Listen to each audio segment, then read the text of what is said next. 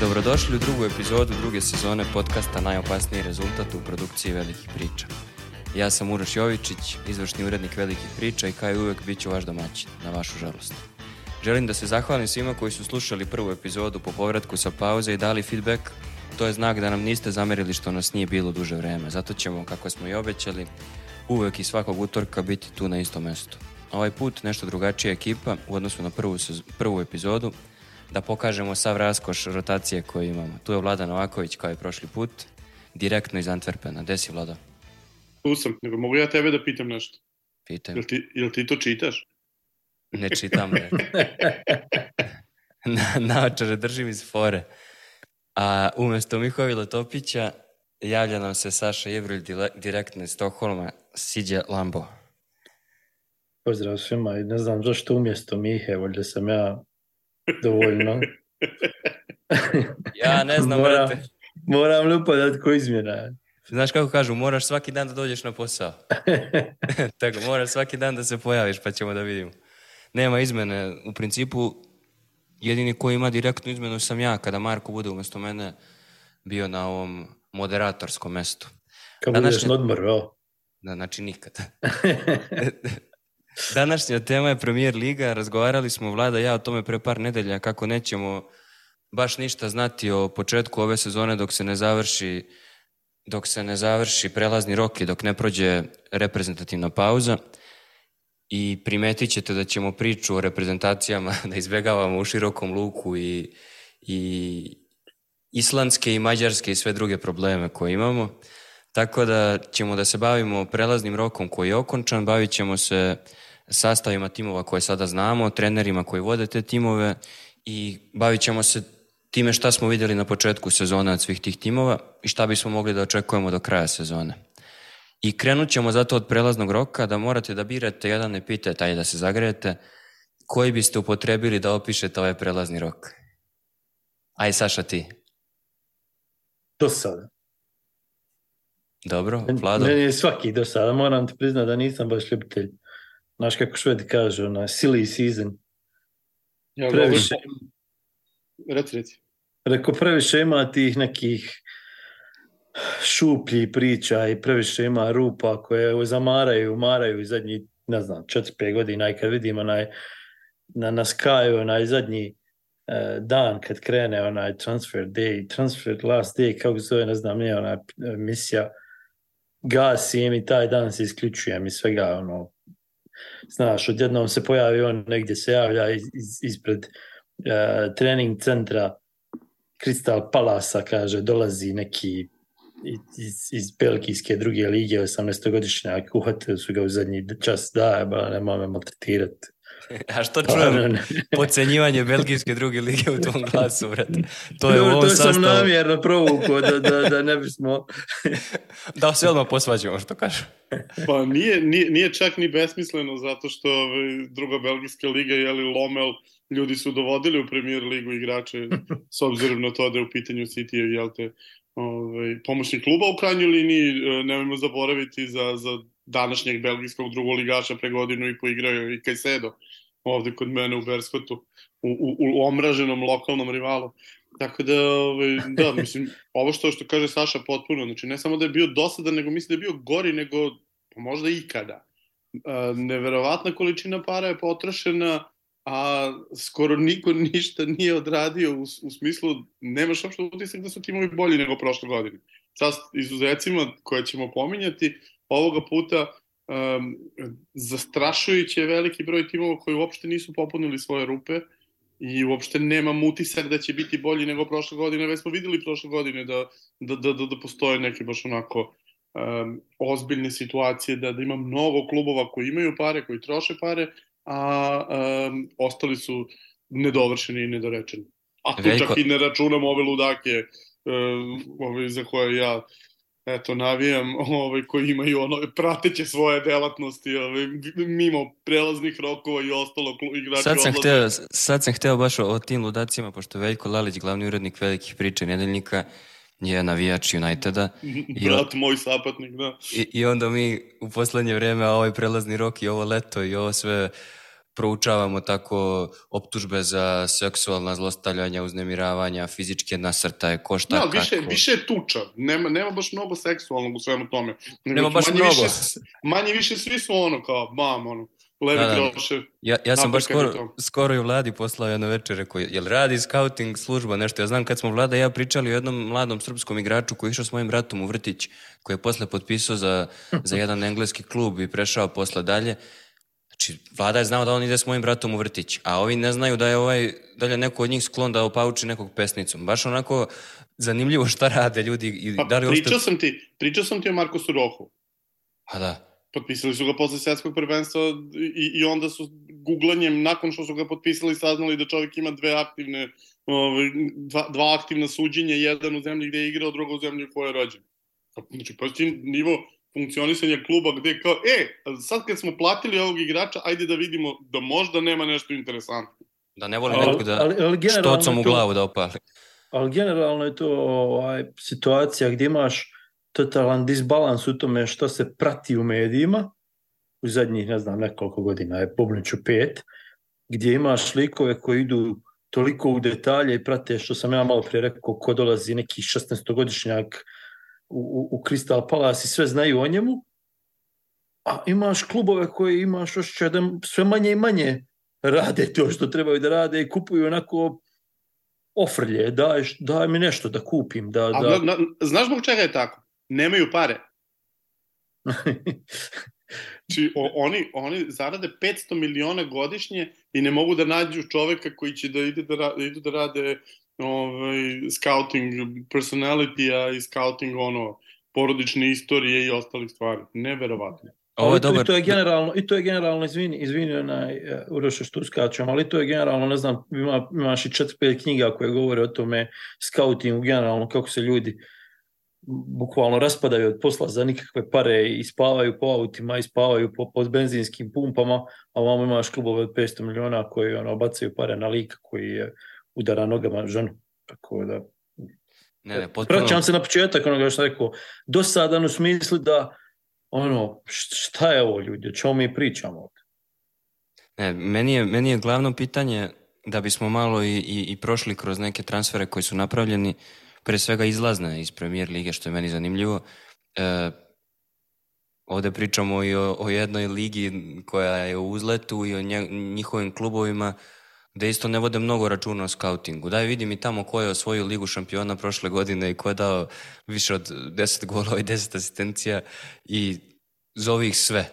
Zovi ih sve. Da, da li je Srbin, da li je Mađar, da li je Brazilac, da li ima 29, 38, 11, da li je transgender, da li je, ma ne, dobro, šalim se, to ne može. To tamo ne može, ali... Otko znaš da ne može. A ja mislim da nema. Sad može sve. Sad, sad može sve, sad trpaj kako hoćeš, ali iz lige su otišli igrači koji su u nekim normalnim godinama i koji su imali neke važne uloge. Meni prvi na pamet padaju Fabinho i Riyad Mahrez koji su u svojim klubovima bili, mislim, nisu bili nebitni. Dobro, nisu... Fabinho više nije mogao ni, ni da hoda u svom klubu, tako da je nekako bilo slažem logično. Se. Ali za Mahreza se slažem. On je mogao da igra još jedno tri godine komotno u Premier pa. Mislim da je Fabinho koliko god da nije mogao da hoda, bio važan deo tima, to hoću da kažem, važan deo i sad ti kao puštaš igrača, ne puštaš ga, prodaješ ga naravno, ali to mi je zanimljivo, koliko je koliko mislite da je ova saudijska priča e, poremetila premijer ligaše, jer znam da se Guardiola žalio, Klopp se žalio i tako dalje, ovi što se klasično na sve žale, ali kako se zove, Ten Hag se ni nešto nije žalio, on ima 50 igrača, toga 22 na uslovnoj. Kako on će otpustiti još dvojicu. kako se, samo za njega da nešto ne iskopamo. I mene zanima kako vama to deluje, da li mislite da dugoročno može taj njihov koncept da ugrozi Premier ligu, jer kao naj, oni dovode najbolje igrače, najbolji igrači igraju u Premier ligi, jasna je tautologija. Vlado, šta misliš ti? Pa, znaš kako, ja sam veliki fan ovoga što se dogodilo, mislim na, na, na Saudijsku Pro ligu. Ovaj, ono što što je postao najveći problem futbola, čini mi se ta uh, superligizacija premier lige. Uh, mi smo došli do situacije u kojoj nema nikakve potrebe praviti bilo kakva dodatna takmičenja s obzirom na to da uh, u roku od 5 godina 18 od 22 najbogatija kluba u Evropi bi igrala već u jednoj ligi. I došlo je do, do stvarno tužnih scena E, sećamo se onoga što se, što se događalo u Bormutu u januaru, pa situacija gde skidaju um, igrače Milanu, skida neki Sheffield United ili takve stvari. Sve, to su neprirodne stvari. Takve stvari niti mogu, niti treba da se dešavaju da klubovi koji nemaju nikakve ambicije, niti mogu da se bore za nešto u, u, u Engleskoj, jer jednostavno daleko su od, od, ne od vrha, nego i od sredine lance iskrene, rutinski E, na tržištu dobijaju klubove koji su uh, elitni klubovi u ligama petice. Dakle, sad više ne pričamo o zvezdama iz TU-ama i o ne znam, Geteborzima, nego pričamo o klubovima koji su bili prvaci Evrope pre neku godinu i koji su aktuelni šampioni Italije u tom trenutku. I e, iz te situacije dolazimo dotle da se konačno pojavio neko ko može da kaže, opa, čekaj, mislim, ako ćemo da se igramo parama, ajde da se igramo parama. Ono zbog čega mi se dopada ova saudijska priča jeste što su uradili ono što mora da se uradi. Dakle, ako hoćeš da uradiš stvar, stvarno moraš da uradiš stvar. Uradi je do kraja. Nemoj dovesti um, Ronalda, Neymara i Mesija, nego dovedi stvarno 100 igrača. 100 igrača kvalitetnih, gde ćeš ti sad napraviti stvarno ligu koja liči na nešto. Jer ti kad imaš četiri kluba sa po 8-9 igrača koji mogu sada da igraju u premier ligi, molim lepo, to je liga koja možda neće igrati u ligu šampiona, ali jeste de facto top 7-8 liga na, na, na, na svetu u ovom trenutku. I s te strane mislim da je za njih blessing in disguise to što Messi nije došao, jer pitanje je da li bi se uopšte u ovo upustili da su njegov mogli da dobiju. Dakle, kada su dobili Ronalda, čekali su Mesija, kada, su, kada nisu dobili Mesija, mislim da je u tom trenutku se MBS prešaltao i rešio da, da, da, da krene na ovo u što je krenuo i mislim da je to sad već... Da, da dovede sve ostale. O, da, da. Ako, ako ne može Messi, te pare, ajde da podelimo na 16-toricu. I, i ni, ono što mislim da je sjajno, to je što nisu išli ni na obskurne likove kao Kinezi. Kinezi su dovodili skupe igrače, ali su sve to bili igrači koji su već bili uh, izvučeni iz svojih korena, dakle neki Brazilci koji igraju po istočnoj Evropi, uh, taj tip igrača koji... Dobro, do, dovodili su Kinezi, igra, dovodi igrača Barcelona, mislim, imali dovedu su i igrača, takve. jesu, tako je, ali ih je bilo trojica. Ove, a onda su ovi došli i pokupili su pola tima, takođe Barcelona ili ovog ili onog kluba. Um, napravili su, su uh, uh, grupu igrača gde imaš i legitimne svetske zvezde, gde pričali smo o tome ove, pre, pre neki dan. E, stvarno je, e, kad ja gledam na ulici sada, vidim e, gomilu klinaca u dresovima Al Nasra. Pre šest meseci ne bih video nikada ni jednoga. Znači ja sam u gradu u kojem kad sam došao za prvi godinu dana, 80% dresova koje sam video su bili dresovi Paris Saint-Germain. Bukvalno sam se osjećao kao da sam se doselio u neki baliju. I odjednom sada ima duplo više dresova Al Nasra nego bilo kojeg evropskog kluba. Dakle, oni Al Nasrev im se na dres, što kažu. Ove, napravili su ne, nekakvu, on, nekakav futhol, dakle, očigledno je da će neko to sada pratiti, a sada imaju razloga da prati, jer mislim, ako je tebi Ruben Neveš otišao tamo, ako je otišla gomila igrača sa prostora XU, koji su super ovaj, popularni ovde, a i još uvek u stanju da igraju futbal, ako ti je otišla ta nekolicina igrača koji su u premijer ligi značili nešto, ako ti je otišao kapitan Liverpoola, ako ti je otišao igrač koji je davao ključne golove za, za, za City u prethodnoj godini, znači apsolutno ima zašto da se gleda i nećeš imati onu situaciju kao u, u, u Kini, kao što rekao, koja je jedina stvarno liga koja se može porediti sa, sa, sa ovim, jer su nešto slično pokušali, gde imaš ono tri Brazilca koji se dodaju i osam Kineza koji stoje sa strane kao onaj ja, e, tri japanska profesionalca protiv 100 dece. E, bukvalno tako mi je izgledala kineska Superliga, ovo je već nešto sasvim drugo. A šta ti Sale misliš o, o, o upravo o ovom što on spomenuo Rubena Neveša, pa ne znam, Aleksandar Mitrović, to su sve igrači koji su u svojim klubovima u premier ligi koji nisu top 7 klubovi, bili ključni igrači, ne, tu nema ni neke velike dileme i po značaju na terenu i po autoritetu i po svemu. Veljko Miladinović je bio u Londonu početkom ove godine i pričao je tamo sa, sa jednim od ono vođa, po znacima navoda navijača Fulama, sa čovjekom koji je predsednik njihovog ono, navijačkog kluba, gde su oni otprilike uzeli mere Mitroviću za, za bronzano poprsje ispred stadiona i takav igrač u nekim dobrim igračkim godinama odluči da ode u Saudijsku Arabiju. Kako misliš da će to da utiče na premier ligu i na te neke klubove srednjeg i nižeg staleža u, u budućnosti? Oh, pa, no šta, rano je, rano je za, za donositi takve zaključke, jer u principu smo tek vidjeli početak Saudijske pro lige, odnosno na što su spremni. Ovo što je vlada govorio i usporedba sa Kinom, mislim da je tu razlika u tome što su Kinezi pokušali da prave nekakav sistem, pa su nešto pokušavali da, da kao da imaju, znaš, ne znam, tri, pet stranaca i da ovi nešto kuće od njih, a rekao bi da ovi prave klasičnu super ligu, o, o, ogranak super lige i dovode najbolje. Normalno da će to izuzetno na, na klubove koji ovo što i opet se vraćam na ovo što je govorio vlada, ovo što su se trebali nositi sa evropskim vrhom kad je nabrajao Sheffield United i, i Bournemouth i šta ja znam. Ali je pitanje koliko su oni spremni da idu u, u, u nove uh, u nova ulaganja. Očito će biti doći do nekakve trke između tog dijela engleske premijer lige i, i Saudijaca, a ko će pobijediti, to sve zavisi od, od razvoja situacije, rekao bi u Saudijskoj Arabiji, no, zašto nam je poprilično rano govoriti, jer koliko god ne želimo poređivati s ovim što se dešavalo u Kini, opet te navodi da, da upoređuješ sa tim ligama koje su pokušavale nešto slično, pa nisu uspjevale, a bilo je takvih primjera i, i u bližoj i u daljoj istoriji, tako da kako će sve to razvijati u Saudijskoj Arabiji, tek nam ostaje da vidimo, a onda ćemo znati koliko će na ove na ove klubove koje si naveo, pogotovo ovaj rang Fulama i Bormuta i Sheffield Uniteda. Aj sad da, da pređemo na, na prelazni rok mimo Saudijaca, da mi kažete po jedan klub, znam da nije baš prelako to izabrati, ali ko vam je najveći pobednik, a ko najveći gubitnik prelaznog roka? Ajde, Saša, ti.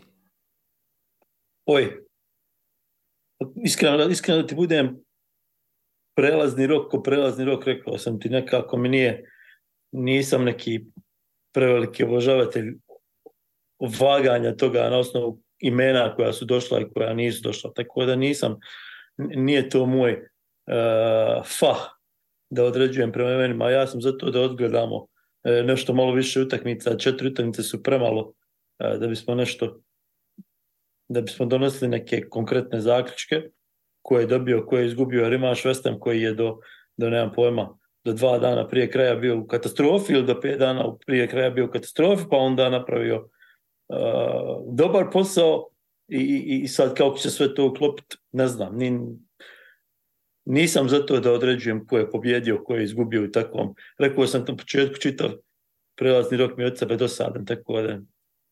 Jasno, jasno. Ti, Vlado? Rekao bih da je Everton sigurno gubitnik jer nije kupovao.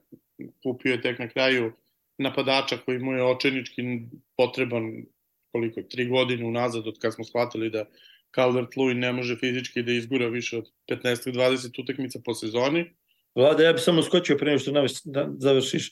Everton nije gubitnik transfer roka, Everton je gubitnik tačka. Tačka.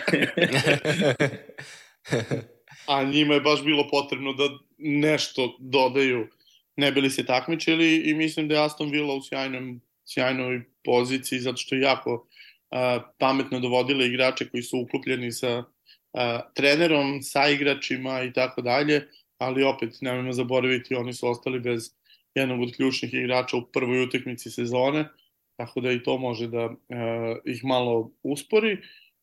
što se ovog svega ostalog tiče, rekao bih da su onako dosta svi uravnoteženi, da niko se nije baš preterano istakao, osim onih arsenalovih pojačanja sa početka prelaznog roka o kojima smo već naširoko i pričali i pisali. Ja bih, ja bih izdvojio Arsenal kao klub koji je možda najveći pobednik, ako postoji pobednik posle četiri kola, jel? Mislim da su oni u skladu sa svojim ambicijama u, u skladu sa svojim ambicijama onako najozbiljnije tome pristupili, tako bih rekao, a mislim da je Everton svakako i o Evertonu ćemo pričati, pitali su nas i slušalci o Evertonu i tema nam je sam po sebi. Mislim da je United, mislim nije provokacija, United u odnosu na svoje ambicije mislim da nije dobro kupovao i da, da nije složio tim onako kako, kako bi Ten Hag hteo i kako bi oni svi hteli. Jel? Meni tako deluje, možda je, možda je moj subjektivni osjećaj pogrešan, ali mi deluje da to, ako gledamo ambicije kluba, jer nije ist, nećemo ocenjivati na isti način kako je kupovao Brighton i kako je kupovao Newcastle i kako je kupovao, ne znam, Fulham. Tako da nekako meni se United tu izdvojio kao neko ko opet nije napravio neko konačno rešenje za to što bi oni želeli da naprave. A, ako smo napravili onda uvod kroz ovu priču o Evertonu kao gubitniku, možemo da pričamo o donjem delu, donjem domu tabe, tabele, pošto se onako već na početku, ako, ako ništa drugo ne možemo da zaključimo posle, posle četiri kola, onda znamo makar ko su favoriti za ispadanje i ko je favorit za titulu. Tako da ćemo prvo ovim prvima, kako tebi vlada izgleda donji dom, ko ti tu najtragičnije izgleda? Ja, ja bih samo da kažem, prije nego što nastaviš Vlado, izvini što ti uskačem opet, ja bih samo da kažem da donji dom počinje sa Manchester Unitedom i sa Chelsea koji su trenutno 11. i 12. tako je. Čisto dobro, a ti te pažu na to.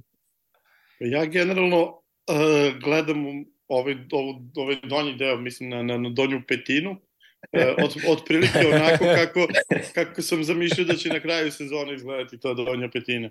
Ove, tačno, otprilike svi najslabiji klubovi u ligi su tu skockani jedan do drugoga, Luton koji nema nikakve predispozicije da se takmiči, um, onda Everton za koji smo već konstatovali sve što treba, Sheffield United koji deluje simpatično, ali opet veoma tanko, i naravno ekipa Burnley-a koja je meni najneprijatnije iznenađenje do sada.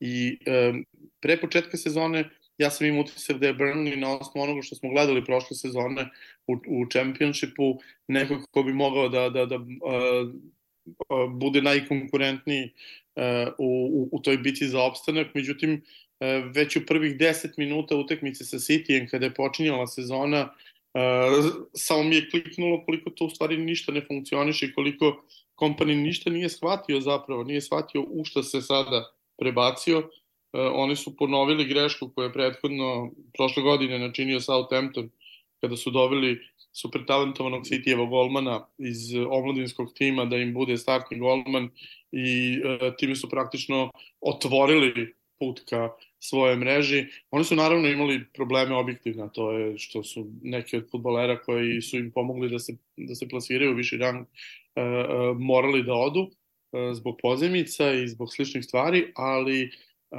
nisu na najbolji način reagovali, oni su očigledno jedan dugoročni projekat, ali čini mi se da u ovoj fazi dugoročnog projekta su u velikom problemu, obično su e, postoji ta priča o tome da, da, da klubovi koji pokušavaju da igraju futbal imaju, pa, pa tako uđu iz nižeg ranga u premier ligu, imaju problema.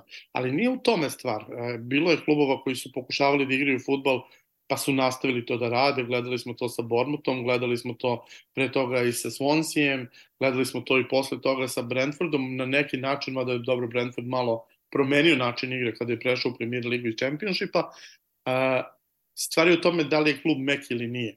I ono što se meni čini gledajući ekipu Burnley, a to je da su zastrašujuće meka ekipa i da bi to moglo da ih košta mnogo. Tako da i dalje imamo četiri do pet timova koji ispadaju iz lige pa da vidimo ko će zaista i ispasti. Wolvesi su mi se najviše dopali od, od tih koji su mi bili kandidati pred sezonu za ispadanje, međutim, opet najmo zaboraviti, da, ja, dopali, i meni dopali su mi se dobrim delom zbog toga što su igrali protiv totalno disfunkcionalnog Uniteda na startu sezone, pa iz toga nećemo zaključiti ništa da će protiv Uniteda mnogi klubovi izgledati dosta dobro. Ove, E, tako da generalno cela ta ekipa oko koje se očekivalo da će se boriti već je sada zakucana i već je sada u problemu i, i ja dočekam da vidim šta će izmisliti i, i opet se vraćamo zapravo na jednu situaciju sa kraja prošle decenije kad smo imali tih 6-7 ekipa koje po kvalitetu ne spadaju u premier ligu, a jesu u njoj jer jednostavno ne mogu da ispadnu. Ne može šest timova da ispadne u jedne godini. Taman smo se izvukli iz toga E, na, u ovom post-korona periodu, međutim, eto nas opet nazad. Sigurno ima na 5-6 ekipa koje nisu premijer ligaški. Meni Bormut ne deluje da je, da je u problemu. Oni su trenutno 16. ali po načinu na koji igraju i kako nekako deluje mi da imaju tu neku sinergiju trener, ekipa, da su, da, da se pokla, da su kompatibilni. Mislim Meni da se biti... to ne čini. Meni se čini da oni imaju igrački kadar koji je dovoljno dobar da ih iznese, ali nemam utisak da su već postigli sinergiju sa Iraolom i uh, zabrinut sam zbog toga što su dali samo po jedan gol po utakmici. Ove, ali, kao što rekao, mislim da ima timova koji su ispred njih u redu da skliznu i, i da, da je to ono što što će iza njih, a iza još neke ekipe koje su tu dole uh, Dobre, nagurane. I, i moramo uzeti obzir i njihov raspored, stvarno. Znači, raspored Bormuta, Tottenham, Liverpool, West Ham i Brentford, čini mi se. Da, da. Mislim, to nije baš, tu se ne bi proslavili ni neki, neki bolji timovi. Kako tebi Sale izgleda? Misliš, mislim da si ti Sale na onom okruglom stolu koji smo imali na početku sezone na velikim pričama, da podsjetimo čitaoce da mogu da čitaju redovno vaše tekstove na velikim pričama i da se trudimo da tim nekim okruglim stolovima damo malo drugačiji sadržaj o različitim sportskim temama, posebno futbalskim. Ti si Luton izdvojio kao tim koji nema tu šta da traži, jel ti deluje posle ove četiri utakmice da se još neko mimo Evertona kandidovao za to? Ovo što je Vlada ispričao, Burnley je manje više ono što, što se slaže, mene isto tako iznenadio, Wolves su me malo iznenadili pozitivnije nego što sam očekivao a, da će odigrati i oni igraju, ako se ne varam sad, s Liverpoolom, je li tako? A, pa ćemo malo vidjeti bolje na što to liči. Ali ovo, ovo što kažeš, 5-6 klubova koji su tu negdje, ja bi se opet vratio na Everton, koji kad svaki put kad sezona dolazi uzmeš Everton i gledaš Everton i zatvoriš oči i kontaš jesu li mogli nešto napraviti, jesu li nije i mjesto ovde, to je klub koji treba da ide nekako daleko više, ali, ali bojim se da im ove sezone apsolutno nema pomoći. Ja ne vidim kako se mogu iskoprcati iz ovoga, jer čitava ta organizacija i gradnja stadiona ovo vrijeme i čini mi se sad da sam vidio prije nego što smo krenuli u snimanje da, da, da su jesu li se prodali ili su pred prodajom, tako da čitav haos koji, koji može odvesti baš u, u, u katastrofalnu situaciju obzirom na kojem su mjestu trenutno u, u razvoju kluba, da tako kažem.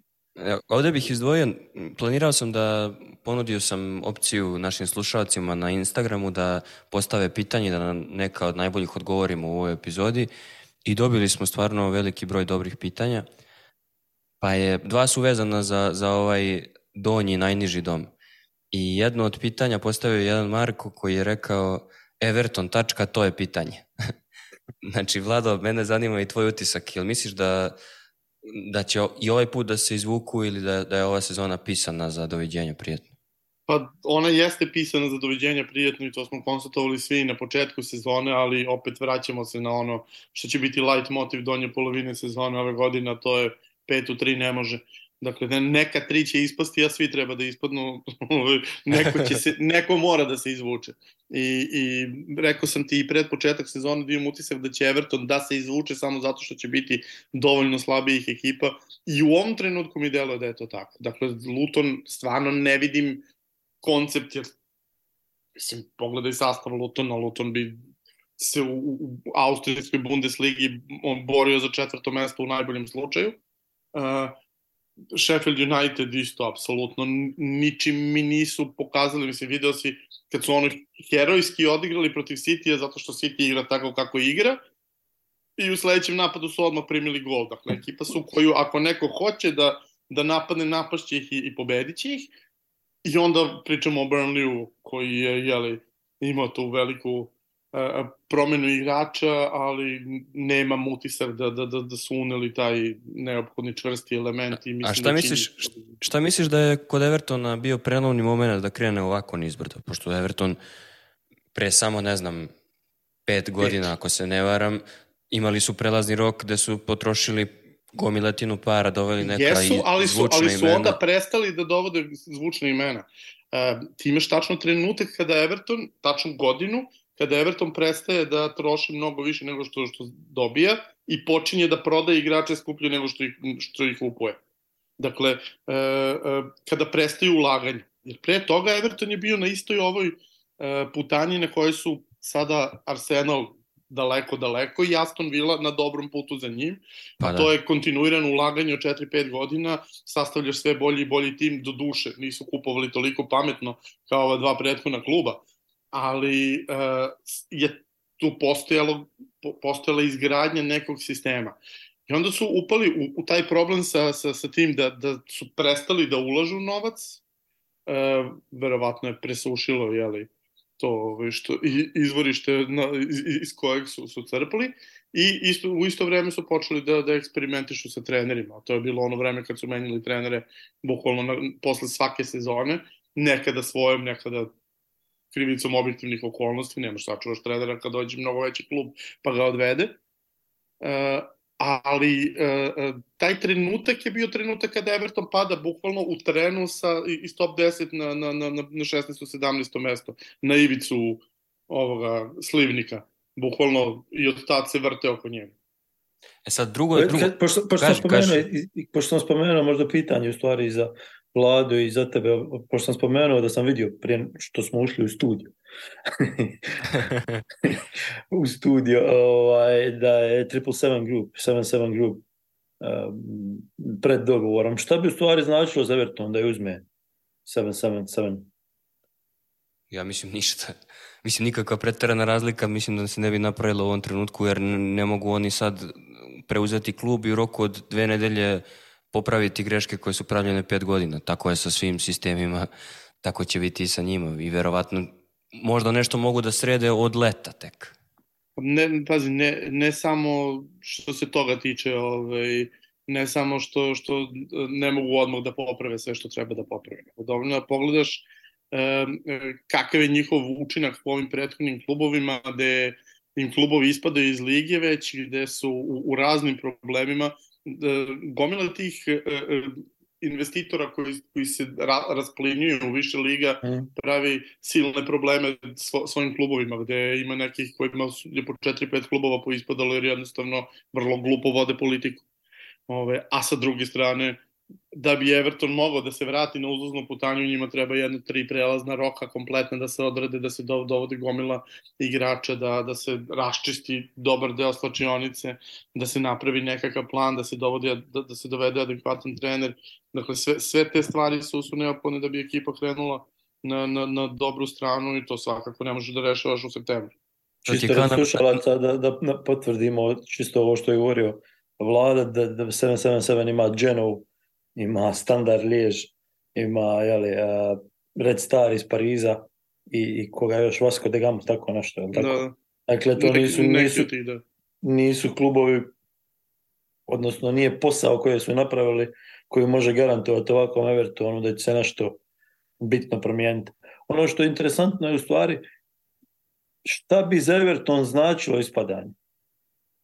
Jer ono, padobran sve u redu, ali sa situacijom da prave novi stadion i sa novim vlasnikom, i ovo što ti kažeš, treba im tri prelazna roka da sebi dođu, mislim da bi ispadanje da bi im ispadanje bilo ogroman problem. I ja mislim da to ne bi bio nikakav restart kakav potencijalno taj padobran može da predstavlja, s obzirom na to da oni nemaju organizaciona, personalna, bilo kakva rešenja, da kad ispadnu oni mogu da se uspostave, imaju 44 utakmice, 43 koliko, i da, 46. da 46, da, i da se, da se uspostave i da, kako se zove, da onda pronađu neki ritam i da se vrate, eventualno ili da se vrate posle dve godine, nije ni važno. Mislim da je to, ovde, ovo je dobar šlagvord za pitanje koje je postavio još jedan naš slušalac, Pavle Radojković, koji je postavio sijase dobrih pitanja, ali ovo se posebno izdvaja. Kaže, koji klub vidite 2030.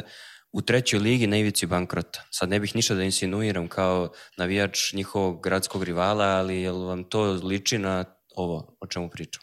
Ne, meni ne liči ni najmanje. E, ja kada pomislim o Evertonu koji ispada, pomislim na Aston Villa. Aston Villa je klub koji je trebalo da ispadne dve, dve godine pre nego što je ispao, pa godinu pre nego što je ispao, pa je konačno ispao. I mislim da je to ono što ih je izvuklo. Da su ostali i te godine u ligi, mislim da bi se i danas koprcali ili bi sada bili drugoligaši ili, ili već neka nevolja. A, a tad su morali da podvuku crtu. Oni su imali veliku sreću da, da su nekoliko puta podlačili crtu tokom tih godina, te tri godine koliko su bili u nižem rangu i da su dopali u ruke pametnih ljudi 2018. godine i da su zahvaljujući tome krenuli gore. I e, ono što je problem Evertona jeste što za razliku od Aston Ville, koja je klub koji je daleko najveći u gradu, koji je uh, ogroman po broju stanovnika, dakle prirodna stvar u Engleskoj, ono, ljudi se tuku za jedan Newcastle koji ima 500.000 stanovnika, Birmingham, Birmingham ima 2,5 miliona, od čega pola navija za vilu, i plus sa širinom, plus istorijski faktor, super prvi mega klub u Engleskoj, pa bivši šampion Evrope. Uh, Everton je takođe preogroman klub, klub koji najduže nije ispao iz ligi, ako ne računamo Arsenal, klub sa najviše sezona u elitnom rangu, ali klub koji je ubedljivo drugi po veličini u svom gradu, zapravo ubedljivo drugi po veličini u svom parku. A znamo kolike to probleme može da, da, da, da, pred, da, da, da, da pravi. I onda, uh, uh, s te strane je teže zamisliti da Everton privuče te super pametne ljude. Opet, uh, Everton ima fantastičnu produkciju igrača, Everton ima sjajan scouting futbalera na, u, u, u mlađim kategorijama i uspeva da napravi mnogo bolji posao sa svojom akademijom nego, nego Liverpool. Jednostavno Liverpool i nema tu presiju da mora da živi od svoje akademije, Everton mora već 30 godina, uh, pošto nikada nije prešao u premier ligu mentalno, uvek su bili ostali su ono first division club. Ove, ovaj, i, I s te strane mislim naravno da bi im bio izazov malo veći nego Vilin, ali vidim da, da mogu da ostanu. Da, da se a čekaj, a, a koji ti je klub u, u, u onda, da odgovorimo Pavlu, koji ti je klub na ivici bankrota 2030. u trećoj ligi? koliko u ligi imaš takvih klubova, ono ćemo krenemo od Bournemoutha, od Sheffield Uniteda, od Lutona, od šta još ima uopšte tu, o Wolvesa, što da ne Wolvesi, već neko vreme su tu, krajnje vreme da krenu dole, a kad krenu dole svašta može da se desi, pa da vidimo šta je još tu, pa Fulham, što da ne, sad kad nema Mitra, ovaj, mo, možemo da navijamo protiv njih, ovaj, Forest, da, Zna, znam samo, ma, ma, znam, znam samo po, po, koje dva neće. Znam dva koje neće, a to su Brighton i Brentford, jer ovo dvojica nikad neće da ih prodaju jer vole da rade to što rade i uživaju u tome, a oni, oni znaju čime se bave. Šta kažeš Mislim da je generalno teško da se desi nešto tako klubu kao što Everton, zato što osim svega ovoga što je nabrojao vlada, imaš i, i činjenicu da ovi klubovi koji su sada između uh, Championshipa i, i, i Premier Lige nemaju takav kapacitet da preuzmu tu ulogu koju Everton ima, koliko god da ona drugačija nego što je uloga Aston Villa ili uloga Newcastle ili uloga a, gradskog rivala, ali, ali, ali ipak su i dalje puno veći klub nego ovo sve što dolazi, što bi trebalo zamijeniti. Tako da i, i s te strane ne, ne, ne bi očekivao da Everton tako nisko padne. Imaće problema, imali bi problema godinu, dvije, tri, ali nisu to problemi koji se ne mogu riješiti sa nekim objektivnim vremenom. A međutim, ovo sve što smo nabrojali, sve što smo do sad, bukvalno čitav donji dio tabele, ako ne računaš Chelsea i, i Newcastle i, i, i Man United koji su sada u donjem dijelu tabele, ali svima se može desiti, pa bukvalno se i West Hamu to može desiti, bukvalno se može desiti, ono, da se, da se polome negdje. Jer tak, ja bih, je situacija, ja, ja bih bio kontr. Ali... Ja bih ko vlada bio, bio malo u kontri ovaj put. Ja mislim da bez obzira na to što je Everton toliko veliki klub koliko je veliki i bez obzira na, na sve te stvari koje ste vi nabrojali, mislim da su oni toliko inertni, toliko je sve to nekako oko njih onako neka čamotinja, što bi rekli kod nas, tako da imam utisak da kad, kad krenu ka dole da je pitanje da, da li će kako da se vrate, da ne bude oni nije taj kapacitet, nije taj kontekst, ali da, da ne bude kao Sunderland, ono da snimamo, da se snimaju sezone serija o njima dok tavore po nekim budžacima. Nemoj još serija, bogat. da, da, da. Sve smo videli, sve Ali, znamo. Ruku na srce, ta Sunderlandova je bila najbolja. Da, najbolja Sunderlandova je bila najbolja, sve posle toga je bilo. Ono... Dobro, meni je Leeds, meni su Leeds i Sunderland dve najbolje, sve ostalo... Bah. Znaš, znaš kako, me, me, meni su najbolji Spurs i tu se pojavljujem i ja. Ove, ima, kako, i, i, ima jedna stvar koju si zaboravio ovaj, da, da primetiš, što me baš čudi s obzirom da si navijač lokalnog kluba. To je mentalitet Liverpoola. E, to je jedini grad gde dva gradska rivala stoje jedan drugome sa rukom u ruci i pomažu jedan drugome. Nema šanse da bi Liverpool pustio da Everton potone. Nema teorije. Tako Znam. da, iz te Ali strane... Ovaj... Bez jakog pro... želje nema jakog Sarajeva. to, to, to, to je to. Da, da. Ali s obzirom na to da se kladim u ovom slučaju protiv svih ono da, da. Verovatnoća, kladim se i protiv toga. Ništa, da sad napravimo Meni kratku Meni je samo žao kad već pričam o Evertonu što, što sele sa ovoga, odakle sele sa Goodisona. A otkud znaš da li se sele, vidiš da... Do, do, do duše. Ali Goodison je stvarno jedan od najboljih stadiona na kojem sam ja bio u tom old school smislu, ono, da, Pravi, da te znaš, da te, ti sad, ti sad kad odeš na pola stadiona u Evropi, Evo, bukvalno ovde u mene u Štokolu imaš Ne znaš šta, gde si, bukvalno. E, bukvalno ne znaš gde si, na koji si došao, na koga si došao da gledaš. Jesi došao na Luž, ili si došao na Emirates, ili si došao na Friends u Štokolu.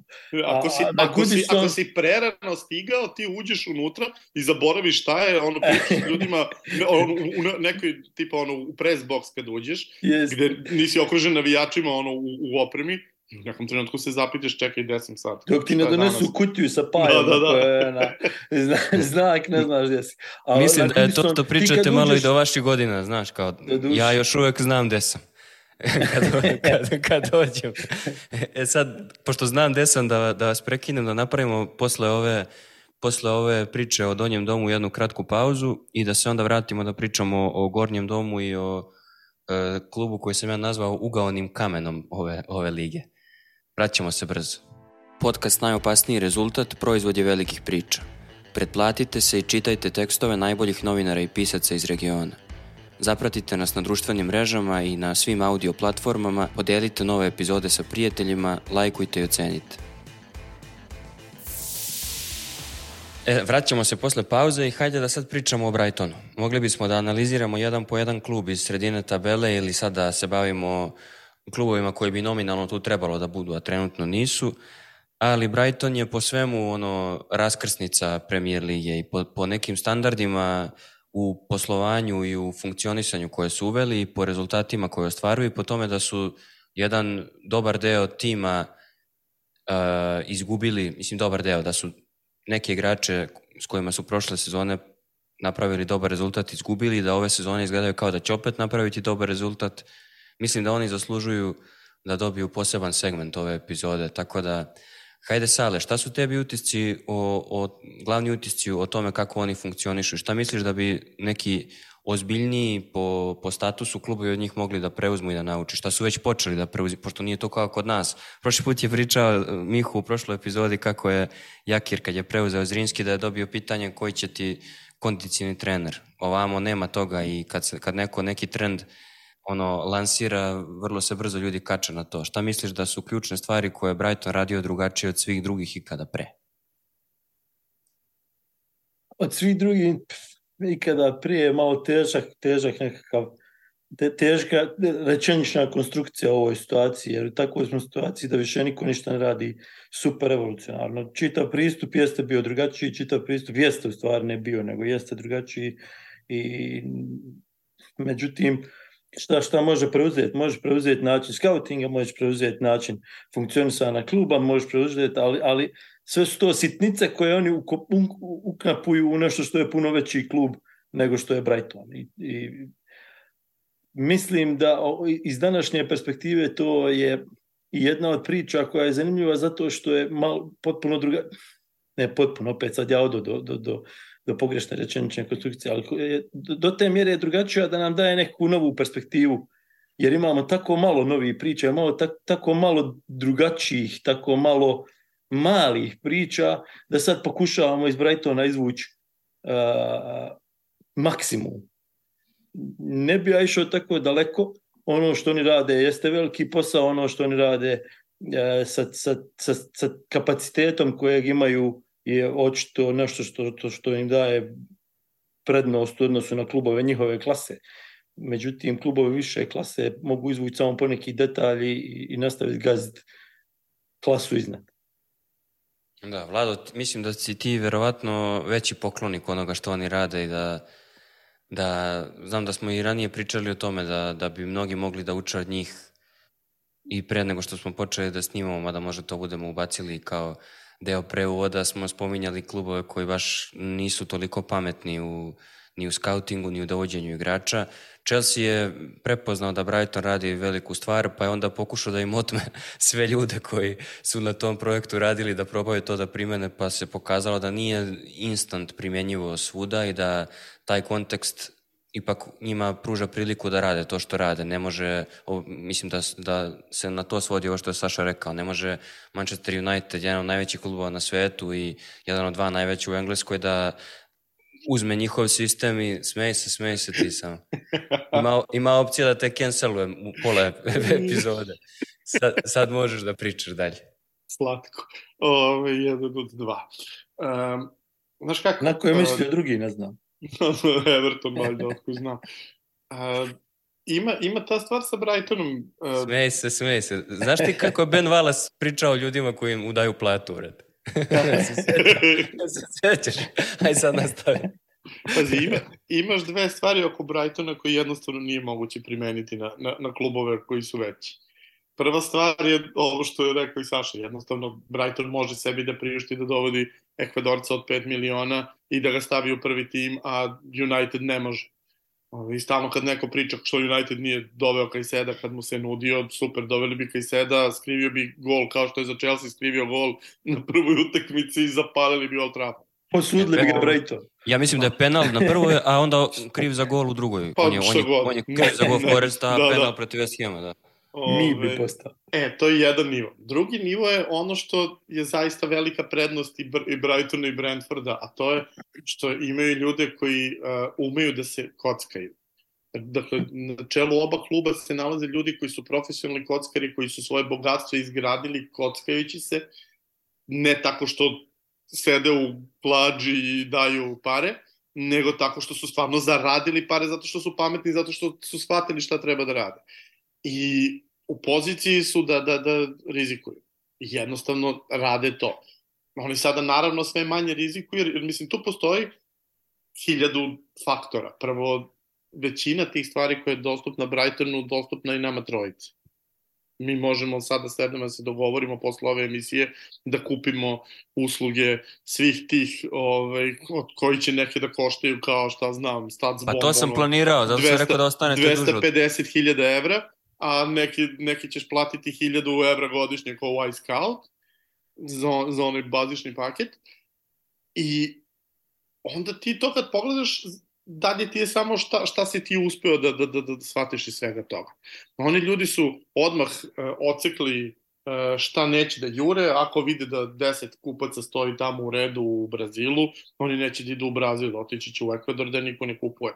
Ono što jeste problem, naravno, što je svet konačan, što, što nema 16 Ekvadora, što kad oni kupe četvoricu u Ekvadoru, dođe će neko da kupi petog i šestog i sedmog koji ima više para od njih, ali uh, opet tu se vraćamo na, na, na ono što je Dortmund uradio tamo negde 2017. godine kad su se pokačili, je li bilo 17. kad su se pokačili sa Tuhilom kada su odlučili da umesto da se bore za titulu da naprave imidž kluba kakav su sada, a to je klub, uh, uh, najviši nivo razvojnog kluba, I to je ono što čini mi se da, da, da je ono kuda idu i, i pre svega Brightona u izvesnoj meri Brentford da preuzmu od njih tu funkciju da svaki klinac e, koji se pojavi negde, koji nije a priori kao ovo Barcelona dete sad, pa će on, on sad može odmah da ode u Chelsea, ko mora da napravi taj među korak da će radije da bira Brighton, gde je gomila drugih klinaca uspela, gde rutinski ti u pola sezone ubacuješ Ensisa, pa na četvrt sezonu ubacuješ Buonanote, a nakon što si prethodno ubacio Mitomu, a pre toga si počeo da guraš Fergusona. Ok, Mitoma nije mlad, ali je, s obzirom na to da je došao no. sa japanskog koleđa, to je jednako kao da je mlad. Ove, svi, svi igrači tog tipa će hteti prvo da idu u Brighton. I oni su sebi izgradili tu poziciju i tu poziciju ne može da preuzme ni jedan drugi klub iz prostog razloga što, što, što niko, niko nema taj specifični položaj da e, e, ima hrabrosti da se kocka, da ima e, sredstva da se kocka, a da se... I druga stvar, mislim, nemoj mi zaboraviti, većina futbolskih klubova u današnjem svetu su klubovi koji su u vlasništvu nekih vlasnika, koji imaju planove da na njima zarade pare, da zarade pažnju, da zarade ovo ono, da peru biografiju i ostalo. A Brighton i Brentford su u vlasništvu dva lika koji su navijači Brightona i Brentforda, koji su tu zato što vole taj klub i što im je stalo. I on će ostati tu. I to, to što on može da izgubi, to je oni, ok, mogu da ispadnu iz lige, super. On će ostati tu i vratiti ih opet u ligu.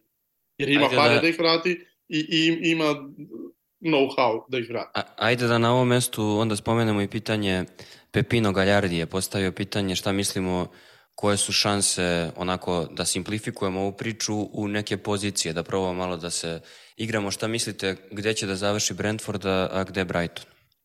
Na kraju sezone. Ajde, sad znam da Saša ne voli da se kocka Ljudi i da on ne voli... da postavljaju takva pitanja da bi te pa da. kasnije mogli maltretirati. Da, pa da. Kako će se završiti utakmice danas? Pa znam, Daj znam. mi tačan rezultat. Ko, ko će dati gol To je naš minuta? posao. To je, to, to je delimično naš posao. Biće u sredini tabele. Actual, actually nije, ali, ali, ali ajde, ajde da se igramo kao da jeste. Ove, ovaj, E, pa to, Vidi, to imate to, opciju da odgovorite Saša. na pitanje, to je to. to kaže, što kaže Saša, bit će na sredini tabela. Ove, I i, i Brighton bolje plasiran od Brentforda, eto, bit ćemo toliko ovaj, žestoko. Dobro, Mislim, Vlada pa... se dosta puta opekao u prognozama, ozbiljno su ga razlačili posle Kopenhagena, to smo već pričali, iako čovjek rekao ja, realnu ja tu stvar. Uopšte nisam, ali ja tu uopšte nisam prognozirao ni jednog trenutka. Moj posao je bio da ispričam kako igra Kopenhagen i koji je realan yes, odnos snaga, a ne da prognoziram ko će proći dalje. Slaže se, ma mislim, znaš, čo, znaš se meni pitao... Izvini što te prekidam, ali anegdotica, meni se desilo, ja sam pisao tekst nakon što je u prvoj utakmici Ajki Štokoma izgubio u Štokomu od CSKA Moskve, ne znam nija, 1-0 ovako nešto, 0-0 je bilo. I ja napišem neki tekst gdje napišem da nije sramota ispas od CSKA pred revanš. Nije sramota ispas od CSKA, CSKA je takva i takva ekipa, Jaki ovo ono i moj prijatelj pokojni Ivan Turina obrani u tom revanšu. Ne znam. 17 odbrana, 19 odbrana, imao je oni šuku neki go i prođu dalje. Ja sam dobio prijatelja smrću, pisma, e, zvali na telefon da mi objasne da ja nemam pojma šta pričam. A nisam nigdje rekao da će proći, da će ispast. Samo rekao da igraju, da su dobra ekipa od koje se može ispast. Tako da ljudi će lako naći način da, da, da dokažu da, da si u krivu i da nisi u pravu ili da izbjegavaš odgovor. U principu niko ne izbjega odgovor. Mogu da, da time se baviš sve vreme. Da će Brighton biti sedmi. Ali šta sam dobio ako bude deveti ili bude, ne znam, osmi, ka, kakva je razlika u tom? Nije razlika nikakva. Čovjek postavio pitanje i da mu, evo ja ću da mu odgovorim. Ja mislim da će Brighton, mi smo imali malu kladionicu na tabli levo od mene, pisali smo Marko i Veljko Lalić i ja ko, ko će da završi koji i ja sam iskoristio šansu jer je tabla u, u prostoriju koja ja sedim da malo svoju listu revidiram naknadno, tako da, naravno, tako da ja mislim da će, da će Brighton da završi sedmi, a da će Brentford da završi deveti. 11, a, dobro. Eto, to, to, to je... Hoće da, završi, hoće da završi visoko, ali neće da završi u konferencijskoj ligi. Pa da, ja mislim da Brentfordu to ne bi ni odgovaralo, iskreno. Vidjet ćemo i kako će Brighton da se snađe ove sezone kada će imati realno i neke, ne neke, nego duple obaveze u jednom trenutku. Biće jako zabavno. E sad, kad smo već ono sa, sa najnižeg doma preko sredine došli do vrha, ja bih da se posvetimo sada u poslednjem delu epizode timovima koji makar nominalno, makar teorijski pred početak sezone uvek ono imaju tendenciju da budu na vrhu ili da se bore za titulu, kako to navijači vole da kažu, iako je to vrlo, vrlo teška priča, jer nam, ako smo nešto skapirali, to sam rekao i na početku epizode, ako smo nešto skapirali ove sezone, skapirali smo da je... Ko će biti prva? tako je, da, da već posle četiri kola znamo ko, ko otprilike, ne znam kako da ih pobe, jedno, snajperiste da angažuju, znaš, ono, da buše loptu svaki put kada ovi krenu u napad ali tu je realno... Tu kraj ove sekcije. 5-6. tu kraj ove dvije podcasta. 5-6, kako se zove, timova koji su u vrhu i koji će tu biti u određenom trenutku. Ja bih krenuo, znači, da ne bi epizoda trajala 4,5 sata kao ono guslanje Filipa Višnjića, ja vam kažem klub, a vi u nekim kratkim crtama elaborirate kako vam izgleda sastav, kako vam se taj sastav mečuje sa trenerom koji je na klupi. Što bi rekao I... popularni bend, ti nam kažeš šta ti treba, mi ti javimo gde stiže. Tako je odradimo posao i nema nas više. Ili da samo pogađamo koji će završiti. Ti reci klub, mi ćemo reći koji će završiti. Ja izločim Imamo... Odradimo Imamo posao i nema nas više. E, Newcastle, oni su realno najlošije od svih timova koji su ono u projekcijama bili on stavljeni negde na vrh. Oni su najlošije počeli sezonu. Šta mislite da je razlog? Raspored. Pričao si malo pre o Wolvesima, o Bournemouthu i njihovom rasporedu. Raspored Newcastle je bio paklen, sva četiri tima koje, sa kojima su igrali prva četiri kola su timovi koji su projektovani i koji su i bili u gornjoj polovini tabele i projektovani su za gornju polovinu tabele. Tako da je taj raspored odigrao veliku ulogu. Nemoj zaboraviti, prošle godine Newcastle krenuo sa kako beše 1-5-1 iz prvih sedam kola, ako se, ako se dobro sećam. Tako da ne bojim se ni za, za njih na, na, na tom nivou. Ono što je međutim malo problem, to je ok, mislim, sad su neke stvari pročitane, Trippier je godinu stariji, Livremento još nije spreman da ga zameni na, na taj način, na, da bude apsolutno ključni igrač e, tima i čini mi se najveći problem, dakle, povreda Botmana uh, i ulazak Dana Burna na još odgovorniju poziciju, on je na levom beku bio problem. Dan Burn inače kad smo već u kad, kad već uh, radimo u ovom danu neka vrsta Newcastleskog gobeljića, dakle momak koji je doveden zbog atmosfere u, u slačionici i kao lokalni momak, iako jeli, ni po čemu ne bi trebalo da igra, a posebno ne na poziciji beka sa svojih 1,95 Ove, čini se da je još veći problem kada je u srcu e, odbrane, jer kroz njega se daju golovi onako lopatom i tu bi mogo Newcastle da ima malo problema. Ali ovako, dugoročno, budimo e, objektivni i pre početka sezone, e, malo ko ih je stavljao u top 4. Ne, dakle, ne. Oni, ja, oni, ja lično nisam. Evo, meni se šest.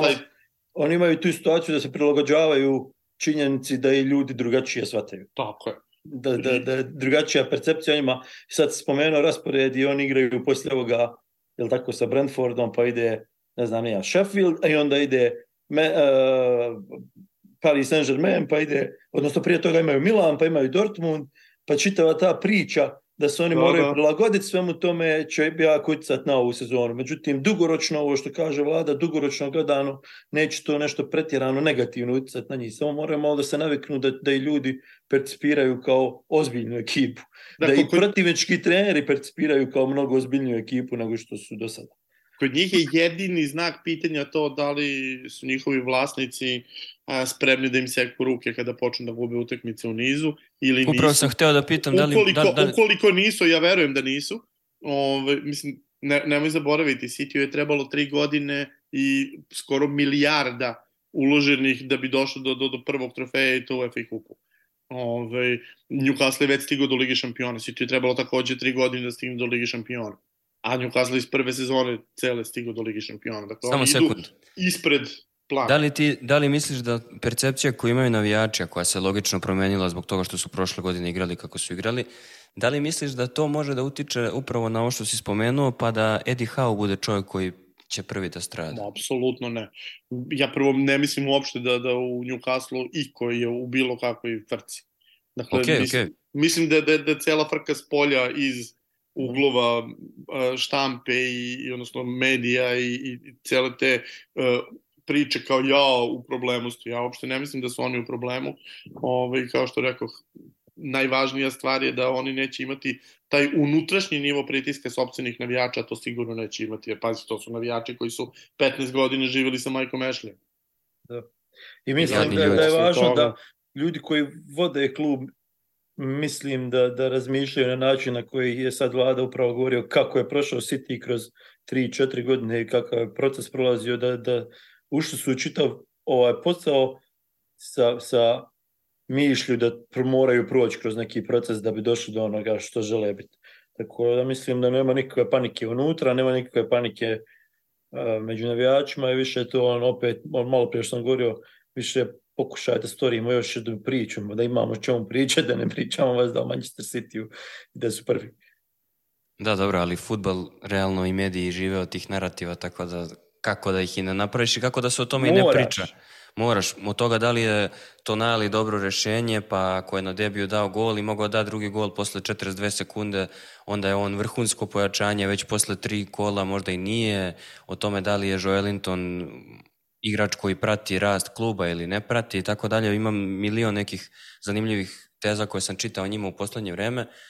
E, ovo što ste rekli, ja isto mislim da neće završiti u top 4, tu sam ih na tabli stavio na šesto mesto, ali da će nastaviti nekim svojim putem, verujem da hoće. Malo sam skeptičan prema, prema ono, vlasnicima i njihovim očekivanjima. Ne znam da li su dovoljno e, samosvesni, da li su spremni da istrpe i neku seriju još negativniju od ove ako se bude desila, naročito kad krenu evropske obaveze, ali hajde da, da vidimo to. Hajde da se voli.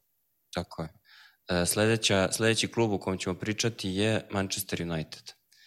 Vlado, ti si pisao nekoliko priča zanimljivih za velike priče o klubu koji voliš. Pa zapravo samo jednu. Ima, imao si druga, priču... Druga nikad nije izašla s obzirom na to da nikad nije se klub prodao. Jeste, ali ako, ako uzmemo u obzir da, da je ta priča o Ten Hagu jedna i da je priča o Maguire-u koja nije samo o Maguire-u, da, nego, da, da. je, nego je mnogo o, i o, načinu... Da, da. Tako i načinu razmišljanja u klubu, to su dve. Dakle, mnogo toga si rekao u tim tekstovima i naravno preporučujemo ih svim slušacima, ali me zanima kako u ovom trenutku posle četiri kola, posle onako vrlo turbulentnog i stresnog početka sezone, ona utakmica protiv Wolvesa, pa protiv Foresta, pa uh, Tottenham, pa ovo, pa kako vam, kako ti to sve deluje lično onako? Pitam te lično, emotivno, otvori nam se. deluje mi tačno, tačno onako kako sam i očekivao. Za United je jedino pitanje bilo da li će se do 1. juna prodati klub ili neće. Onog trenutka kad nije, ti si znao da nema ničega od ovoga leta, da će ovo leto biti krpljenje i krpljenje si dobio. Um, ono što mi se sviđa, što je na kraju to krpljenje ispolo zaista onako festivalsko, kao na Vašaru, gde ti posljednjih dana prelaznog roka potpisuješ uh, Johnny Evansa sa free transfera koji ti je pritom u klubu već mesec i po da nisi mogu u julu to da uradiš.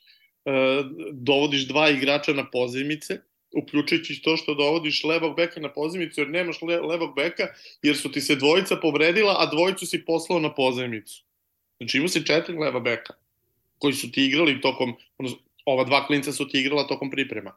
I tebi na kraju e, ti mo, moraš da, da, da dovedeš sa strane igrača i evo vidimo sada spremaju da vanredno potpišu još jedno desno krilo zbog toga što jel te dva desna krila su im uh, tri desna krila su se lišili u, u, u kratkom roku, jednoga zato što su odlučili da neće, poslali ga u Španiju, drugoga zato što se posuđa s trenerom preko društvenih mreža, trećeg zato što ga goni cela, celo zakonodavstvo Brazila, ove, što onako, koga bi moglo da začudi s obzirom na njegovo odrastanje i sve ostalo.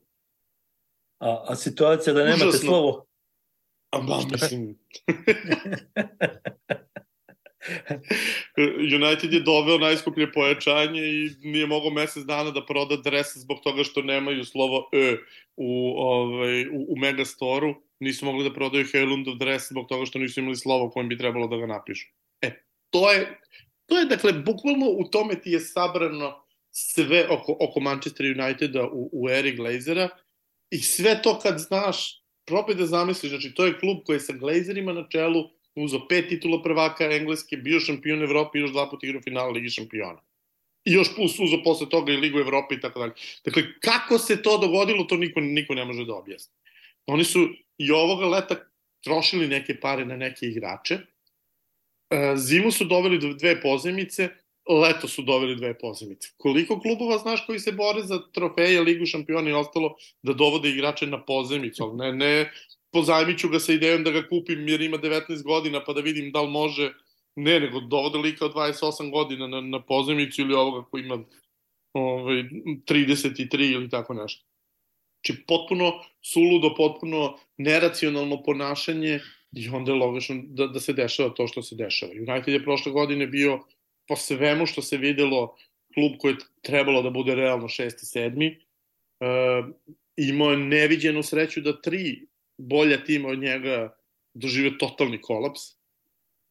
Mislim, sva tri su na, ko, imala... Na koga misliš, kaži samo? Pre svega mislim na, na, na Chelsea koji je osvojio 25 bodova manje nego što je bilo realno. Uh, I Liverpool i Spursi koji su jedan i drugi uzeli po 15 bodova manje nego što je realno. United je delom i zahvaljujući tome uzeo neki bod više i došao tu gde je došao svoje treće mesto. Ja sam ti rekao i tada i rekao sam mnogo puta u raznim gostovanjima u prethodnih nekoliko meseci da, da tu sezonu ocenjujem kao čista desetka, jer jednostavno nemoguće je bilo da, da će toliko stvari da, da se poklopi i, i zaista je samo pitanje bilo da li će doći neko nov da preseče sve, da otpusti kompletnu ekipu koja se bavi pregovorima, koja se bavi ustrojstvom kluba, da dovedeš nekoga kome je u interesu, ko, ko, koga zanima da se bavi time. Jer porodicu Glazer to ne zanima. Ti si rekao ra, ranije tokom ovaj, E, emisije kako United ima ambiciju da se bori za vrh. United nema ambiciju da se bori za vrh. United, porodice Glazer ima jednu vrlo jasnu ambiciju. Oni ugovore potpisuju tako da ekipa igra svake druge godine Ligu šampiona minimum. Ako to rade, oni su ispunili zadatak. Dakle, oni su sada mirni do leta 2025. kada će verovatno prodati klub.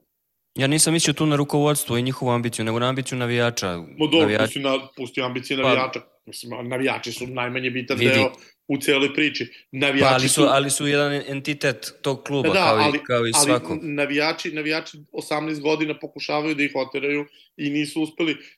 Navijači su deo problema, zato što ako ti imaš navijače koji su organizovani u neke silne navijačke grupe, koji prave silne proteste, koji apsolutno nemaju nikakav rezultat, to je takođe deo problema. Mislim, ako želiš da ih oteraš, ako vidiš da ne možeš da ih oteraš na drugi način, pa, brate, moraš da kreneš malo radikalnije od ovoga. Neka pogledaju kako su terali Zeku grobari u Beogradu u svoje vreme. onih, onih 16-17 godina, da. Ove, e, e, znaš, ti, ti imaš, ti napraviš skup koji je, pazi ovo, mislim, Poslednja utekmica na Old Traffordu izgledala je tako što su se oni posle utekmice skupili na Stratford Endu, došli sa raznih krajeva terena da tamo viču nešto i kao ostali još sat i po i to se. Ne, čak nije ni pre utekmice pa da ti napraviš neku, neku gužu pa vidiš prazna sedišta pa bar naslutiš da se nešto dešava pa e, se bojiš zbog toga što je Old Trafford je tako pozicioniran da možeš vrlo lako da napraviš gužu da, da kasne autobus zakasnit će ti utakmica 10 minuta, a to su objektivne stvari, mislim, kasnili su autobusi na, na, na razne stadione u Engleskoj. Ne, ti I to stvara sačekaš... priču, to stvara to, priču. Da, znači, ne, da neko to primeti. Ne, ti si napravio tu i onda je pet novinara ono non stop javljalo koliko je dobra atmosfera, bla bla, onda pogledaš tamo došlo njih 3000 i pevaju Big Laseri, ne volimo vas, ajde idite više Kao, ljudi došli, ljudi došli ono 16 puta na utakmicu za, za 18 godina, čovjek koji je kupio klub nijednom se nije pojavio do svoje smrti na, na, na, na stadionu. To mu je stav. Njega, ovo, znaš, me, meni je oko Glazera samo jedna stvar neverovatna. Kako možeš da budeš toliko glup da nešto što toliko para donosi ne, ne, ne uspeš ni, ni da izmuzeš kako treba. Dakle, oni će da dobiju lepe pare od Uniteda, ali oni su mogli bar duplo više para da uzmu od Uniteda, da malo mozga imaju. Možda ali ono, valjda. A i to. Možda ne pare. Možda. A, htio sam te pitati u kontekstu ovoga što smo videli u prve četiri utakmice, obzirom da si ti taj koji puno više emotivno uh, vezan za United nego nas dvojica, blago rečeno. Uh, da, da, Bla, baš blago. Ali htio sam reći obzirom, obzirom na, na, na predstave, posebno protiv Wolvesa i protiv Foresta, sad ide Brighton, pa, pa Burnley, ili tako, pa uh, da, da. Palace, pa Brentford, pa Sheffield. Znači, nešto što na papiru izgleda super lako, ali me zanima šta misliš gdje će United biti za tih pet utakmica. I Dobro, pazi, ruku, ruku na srce. United ima šest bodova, što je više nego što na osnovu svega bi se moglo očekivati. I ima ispred sebe takve utakmice koje stvarno mogu da se završe tako i on može komotno da ima, šta znam, 19 bodova posle 9 kola, je tako? I da bude tipa četvrti, peti. Znači United ima 6 bodova, u normalnim sezonama 6 bodova posle 4 kola je dovoljno za, na primjer, sedmo mesto. Ova, ova sezona je jako čudna jer ono, ovi dole ne uzimaju nikakve bodove, pa je, pa je crta zapravo negde tu na, na, na, na 13. 14. mestu. Um, objektivno kad ih gledaš, tu ima toliko problema da svako ko želi da, da se potrudi može da, da, da nađe način da ih kazni. E, neki od problema su sasvim objektivni. United je izašao na teren protiv Arsenala bez, um, start, bez prvog i drugog levog beka sa, sa rezervnim desnim bekom na levom beku, a onda su im se povredila još dva ovaj, štopera, pa su igrali četvrti i peti ovaj, pošto već jedan štoper broj, broj 2 ne igra od početka. Ovaj, pa onda na, na to još je i Mason Mount povređen, pa Helen stigao sa povredom, pa i onda nastavljaš da, da, da ređeš šta se sve još događalo od početka sezone. Dakle, neke od tih stvari su objektivne i svakome bi, bi napravile problem. Ali ono što, što je meni veći problem to je što nemaš utisak da se tu išta radilo prirodno. Imam utisak da i Tenah i uh, uprava sa njim pokušavaju da isile da United promeni stil igre na taj način na koji žele da, da, da, da igra na kraju, a još uvijek nema ni izbliza igrački kadar za tako nešto. I takve stvari potpuno mogu da zamislim da kažnjavaju uh, ekipe, ne samo Brentford, nego čak i mnogi drugi od ovih koje si pomenuo.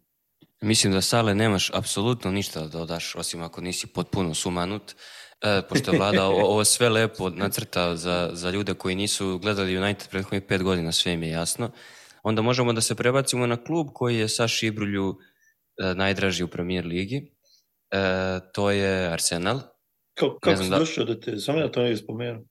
Meni si to pričao kad smo šetali posle utakmice Hamarbija Tako da iskoristio sam nešto iz tvog privatnog života bezobrazno da, ovo, da otkrijem Gurno me pod autobus. Tako je, tako je. Znam da je preko Burazera, tako da pozdrav iza njega. U svakom slučaju, da nam kažeš kako tebi izgleda otvaranje sezone, da li misliš da Arsenal ima potencijal da duže opstane u toj jurnjavi nego prošle sezone i ako misliš da, da ima taj potencijal, šta misliš da bi trebalo Cityu da se desi pa da stvarno Arsenal osvoji titulu? Pa vidi, mislim da jedan od problema pod navodnicima ovog Arsenala je prošlosezonski Arsenal. Dakle, nemaju više taj element element iznenađenja, ne znam kako da ga nazovem, nije ni iznenađenje, normalno da nije iznenađenje kad, kad imaš kad ulažeš toliko u ekipu i kad imaš takvog trenera i kad praviš nešto što pravi, što pravi Arsenal već nekoliko godina. Međutim, i dalje je to bilo iznad očekivanja nekakvi realni, barem oni prije početka sezone. I sada to Arsenal nema i to je jedna od stvari, to je slično ono što sam govorio i za Newcastle, na koju su oni moraju malo drugačijem smislu, ali moraju se adaptirati na to da, da, da su i ekipe da i drugačije shvataju. I zato nisam siguran da se Arsenal ove sezone može nositi na isti način na koji se nosio iz prošle sezone sa Cityjem. Govorili, govorio je i vlada na početku da niko ne izgleda puno jači nego prošle sezone, ali kad uzmeš papir i ti si rekao da je Arsenal jedna ekipa koja se najbolje pojačala, odnosno naj, naj, naj logičnije pojačala. Možda su taj, taj najlogičnije taj i najzvučnije. Izraz, taj izraz upotrijebiti. Međutim, ne mislim da, da se mogu i dalje nositi sa Cityjem, odnosno mislim da je City i dalje prejak. Ono što Arsenal može da, da nastavi, da proba da, da ima kakav takav kontinuitet rezultata u smislu da se bori za, za ligu prvaka, to je koliko, koliko nisu bili, ne znam više nija sezona u ligi prvaka. ova sezona im je vraćanje, ova sezona im je vraćanje, stvaranje kontinuiteta i, i prvi nekakav, odnosno drugi korak, recimo da je prošla bila prvi, a da je ovo nekakav drugi korak u praćenju Manchester City, ali međutim nemam, nemam povjerenju u ovu ekipu da može napraviti da može biti prvak. Jer, jer je to pitanje. Kad pitaš u stvari mogu li pratiti City, odnosno mogu li uraditi više nego prošle sezone, u stvari je pitanje može li Arsenal ove sezone biti prvak, a bojim se da je odgovor na to pitanje ne. Mislim da je dobra paralela da se povuče i vlada je to i u jednom tekstu pravio sa projektom koji je imao Liverpool. Pa da li bismo mogli da kažemo da će Arsenal ove sezone igrati ulogu Liverpoola iz onih trka, bile su dve vrlo tesne u kojima se bukvalno do poslednje kola nije znalo. Ja mislim da Arsenal još uvek nema tu vrstu kvaliteta i tu širinu da u kontinuitetu na taj način parira City-u i da je City, što je jako važno, zreli i bolji, ja bih rekao, to je teška, teška reč, ali mislim da, da će teže zapravo da ispušta neke bodove nego, nego u tim sezonama kad se ozbiljno trkao sa, sa Liverpoolom. Vlado, ali tebi izgleda da je Arsenal u kojoj zapravo, kad povučemo te paralele, u kojoj, u kojoj fazi je u odnosu na ono što je radio Liverpool kad je bio u tom procesu. Drugačiji je proces jer je Liverpool mm, zapravo se dosta čudno to desilo jer je Liverpool na kraju dovodio igrače koji su ipak višeg nivoa od ovoga koji dovodi Arsenal. Dakle, Liverpool je dovodio uh, pa bukvalno Ballon d'Or nivo futbalera, Alisona, Salaha i Van Dijka. Uh, znači svi koji su komotno top 10 na svetu u tom trenutku, Arsenal nema ni jednog igrača. Misliš da je Salah u top 10 u trenutku kada Liverpool dovodi? U prve dve godine kad je došao u Liverpool svakako jeste. Dakle, ne, ne, ne, ne pitam u sezoni pre. Da, ne, ne, ne, ne, ne, niko od njih nije bio u top 10. Ne bi došao Liverpool da je bio u top Tako 10. je. Pa niko od njih nije bio pre, ali se ispostavilo da jesu, to jest jako su ih lepo skockali, pogotovo ovi defensivni deo tima, dobrim delom i zahvaljujući Fabinju, gde su podigli nivo i Alisona i Van Dajka, i Alison je onda nastavio da diže svoj nivo i sada zaista izgleda kao čudesan golman i najbolji na svetu, a Van Dijk do duše ne, Van Dijk ipak godinama i ima dosta težak početak sezone, no o tome ćemo kad dođemo do Liverpoola. Um, postoji, ja mislim da je City sada dosta slabiji nego što je bio u tim sezonama, ali sada je i morao da bude mnogo jači jer je Liverpoolov izazov bio neuporedivo bolji. Liverpool je uzeo uh, 97 bodova u sezoni u kojoj nije osvojio titul. Znači 97 bodova uh, nije uzeo ni jedan klub koji se ne zove Liverpool ili Arsenal ili, ili Manchester City u istoriji Premier League. Chelsea rekord je bio 95. Dakle, to je nenormalan broj bodova. Arsenal nije bio ni, ni ove sezone ni blizu toga, Arsenal je odigrao polusezonu za 50, dakle da jure tu stotku, međutim u drugoj polovini su, su jedva prebacili 30 bodova i bili su beše šesti, čini mi se, u ligi po, po broju bodova u drugoj polovini sezona. I, I to je ono e, o čemu pričamo od početka leta. Dakle, koji od ta dva Arsenala je onaj koji je početna tačka. Da li onaj koji ima nadrealnu prvu polusezonu ili onaj koji ima realnu drugu polusezonu. Ja mislim da je to bio realni Arsenal u tom trenutku i da ovaj sada koji je znatno bolji, gde su doveli uh, na sva četiri nivoa igrača koji su upgrade gde stvarno mislim da Raja mnogo bolji golman od Ramsdela, gde Timber nažalost se povredio, ali je takođe jako dobar upgrade za, za, za odbranu a ovoj dvojici Havertz još uvek to nije pokazao, ali sam siguran da će se pokazati tokom sezone, a Rice je već uspeo da uspostavi ono, ono zbog čega je i doveden.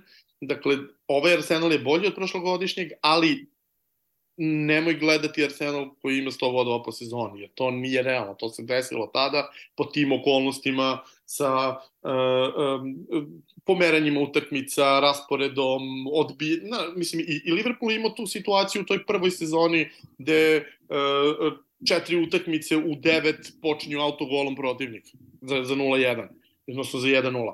Ali uh, uh, takve stvari onda moraš da umeš da, da, da, da nadgradiš. E, nemam utisak da Arsenal ima baš igrački kadar da juri tu i to je olakšavajuća e, stvar za City. Ono što je drugo olakšavajuća stvar za City, a to je oni su svoj sveti grao dostigli, prema tome mogu da igraju mnogo, mnogo mirnije. E, za njih je sada osvajanje četvrte titule u nizu nešto što je zaista nesokidešnje. To se nikad nije desilo u istoriji engleskog futbala. Nikad, ni u 19. veku. I s te strane mislim da su u, u velikoj prednosti u odnosu na to što su bili tada. Jer tada je Guardiola još uvek morao da se dokazuje i sebi i, i svima, jer šta god da je dotle osvojio... Da, sad više, nema, osvojio, sad više nema kome da se dokazuje Volim lepo. Znači njem, kada je Rodri dao gol, odnosno kada je uh, Ederson odbranio ono što je odbranio u, u, u finalu, to je bilo to. Znači on sad može lepo da, da, da, da vodi tim kako ga vodi. Ovo ti, je, ovo ti je dobar šlagvord za najkraći deo ove epizode, a to je City. priča o City-u. Možemo no, da, da kažemo po jednu rečenicu. Stvarno, imamo, imamo pregrš dobrih tekstova na, na velikim pričama o City-u. Mihovilo priču o tome kako je rađanje genija Pepa Guardiole, Vladinu priču o Pepmenu i Chapmanu, to je isto jako zanimljivo bilo.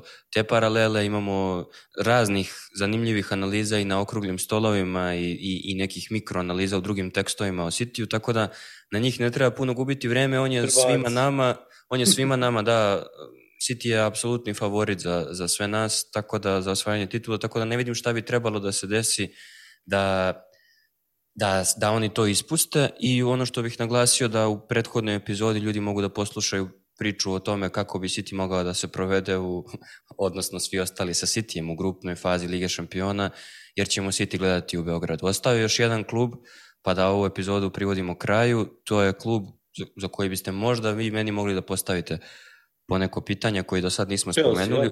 O Chelsea ćemo da pravimo Šta posebnu... ti to treba u životu? o Chelsea ćemo da pravimo posebnu epizodu, definitivno, pošto su oni jako zanimljivi i u vlasničkom, trenerskom, igračkom, svakom drugom smislu i kada bude prilika i povod, sigurno ćemo snimati posebnu epizodu o njima, ali ostao je Liverpool. Kako vama izgleda Liverpool? Moram da spomenem pitanje koje je postavio Dragan Vlaović. On je referisao na podcastu u kom smo Marko i ja ono, napravili jednu grupnu terapiju i razgovarali tokom prošle sezone o Liverpoolu o kraju klopu, prvog klopovog Liverpoola i o tome da li će klop moći da napravi neki drugi svoj Liverpool. I on je postavio pitanje na osnovu nekih stvari koje smo mi istakli da bi mogle da budu važne. Otišao je Henderson, e, Robertson nije postao kapitan Liverpoola i to možda na prvu loptu zvuči kao najmanje bitna stvar od svega, ali je nama kao ljudima koji navijaju za taj klub, ali gledaju sve sa strane i trude se da budu objektivni, to je važna mentalitetska stvar kad je ekipa u pitanju i druga važnija stvar od te, najvažnija sredina terena je ono navrat nanos e, rekonstruisana, ta rekonstrukcija nije ni završena, u nekom trenutku izgledalo da kogod želi može da preotme igrača Liverpoolu, da, je, da su velike priče žele da dovedu zadnjeg veznog, da ga imamo, ne znam, na vratima, da stoji od redakcije, mogli smo ukrasti... Da ti treba japanski, mogu si da ga dovedeš. Da, sam teo, znači, lagani endo bi bio, što, ja sam to napisao čak na storiju, pošto sam Twitter ukinuo sebi, endo je, koliko ja znam, crtač grafita iz Čačka, nije jedan ozbiljan crtač iz, iz, iz Čačka, a ne futbaler, ali dobro, u svakom slučaju, moj prvi utisak je da je sve završeno mnogo povoljnije nego što je u jednom trenutku izgledalo. Izgledalo je da, da će prelazni rok biti završen bez, bez ikakvih konkretnih stvari, bez dovoljno igrača, bez dovoljno nogu u sastavu, pogotovo na sredini terena. E, nisam zadovoljan izborom kapitena, apsolutno od toga što je vlada rekao da je Van Dijk u problemu kada je forma u pitanju, na početku sezone do toga da mislim da on nema glavu da bude kapiten možda grešim, ali moj utisak je da nema glavu da bude kapitan Liverpoola. Svi navijači Liverpoola na svetu bi hteli da Robertson bude kapitan, jer to je ono što je Liverpoolu prošle godine falilo, a to je ta krv. Da Liverpool primi gol i to je to. Liči na, na, na neke timove koji imaju ono psihičke poremećaje. Primi gol i onda se, što kaže Kari Pešić, oni dadu koš, vi skidate gaće. Tako je Na koje celo... timove misliš sa psihološkim problemima? Na razne, brate. Pošto vidim da se vlada smije, pa možda imaju neki ima i on za, za, sigurno, za primjer. sigurno se i on u nekom smislu pronalazi u, tim, u tom mom opisu. U svakom slučaju, pojačanja koja su došla, meni su Soboslaj i, i Alexis fantastično legli na početku sezone.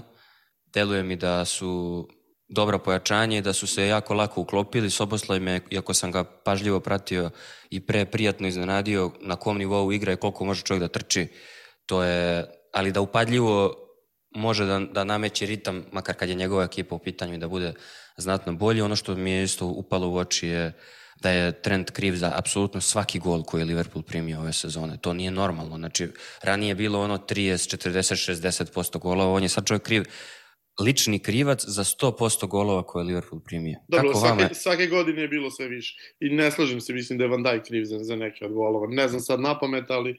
Se, ja sam baš se... detaljno gledao, mislim da možda je združena krivica, ali ova je, ova je na početku nešto zasrao, pa je sve posle otišlo da ne treba. Da, da, da, to, to da. Kako vama izgleda Liverpool? Jel, jel mislite da će da ispoštujemo pitanje Dragana Vlaovića i tamo ćemo time i da zaokružimo priču o crvenima? Da li mislite da tokom sezone sve ovo može dobro da legne? Može, samo šta su, šta, šta su očekivanja i, i Dragana i, i generalno navijača Liverpoola, to je pitanje. Jesu očekivanja da se, ova, da, da se u ovoj sezoni sve legne i da se boriš za nešto i zašto da se boriš? Evo, bukvalno pitanje za tebe kao navijača šta je očekivanje od ovog Liverpoola? To je za, mene, za mene najzanimljivije pitanje. A meni je tu, ja sam tu, imamo dobrog šta, i lošeg... Šta ti je na tabli? Imamo, do, da, na tabli mi je nešto što verovatno svi, svi smatraju preoptimistično. Na tabli mi je drugo mesto. E, to, ni, ni, to je bilo, pisali smo dok još nije bilo sve jasno, mislio sam da će drugi igrači biti to jedeni. U tom trenutku mislim da je to bilo jutro kad je Kajsedo već bio... Potpisao. Već bio u Photoshopu u crvenu. Kad su ga u pet ujutru su ga objavili da, da, da dolazi u Liverpool. Pa da, i mi smo tad pisali, ali ne menja se to previše. Mislim, malo je i normalan taj pozitivan stav. Mislim da, da će da legne sve kako treba. Nemam očekivanja kada je borba za titulu u pitanju, naravno. Mislim, to je rešeno. Mislim da bi Liverpool trebao da bude zadovoljan da bude u top 4 i da proba da osvoji evropski trofej. Zašto da Najbolji od ostalih, znači. Pa, to, to bi bilo idealno, ali realno top 4 plasma na kraju sezone i trofej u Evropi, ja mislim da bi to bilo onako jedna ozbiljna sezona. Imate neugodni lask. Jeste. Neugodan je. Malo je neugodnija ova grupa Mostarskog kluba od, od Laska, ali. Vidim, vidim da si srećan, evo, raspoložio sam te. Vla, Vlado, Ja- kako tebi? Ja ne Kako znam šta, šta, šta očekuješ da legne. Ja imam utisak da je Liverpool već dobrano legao.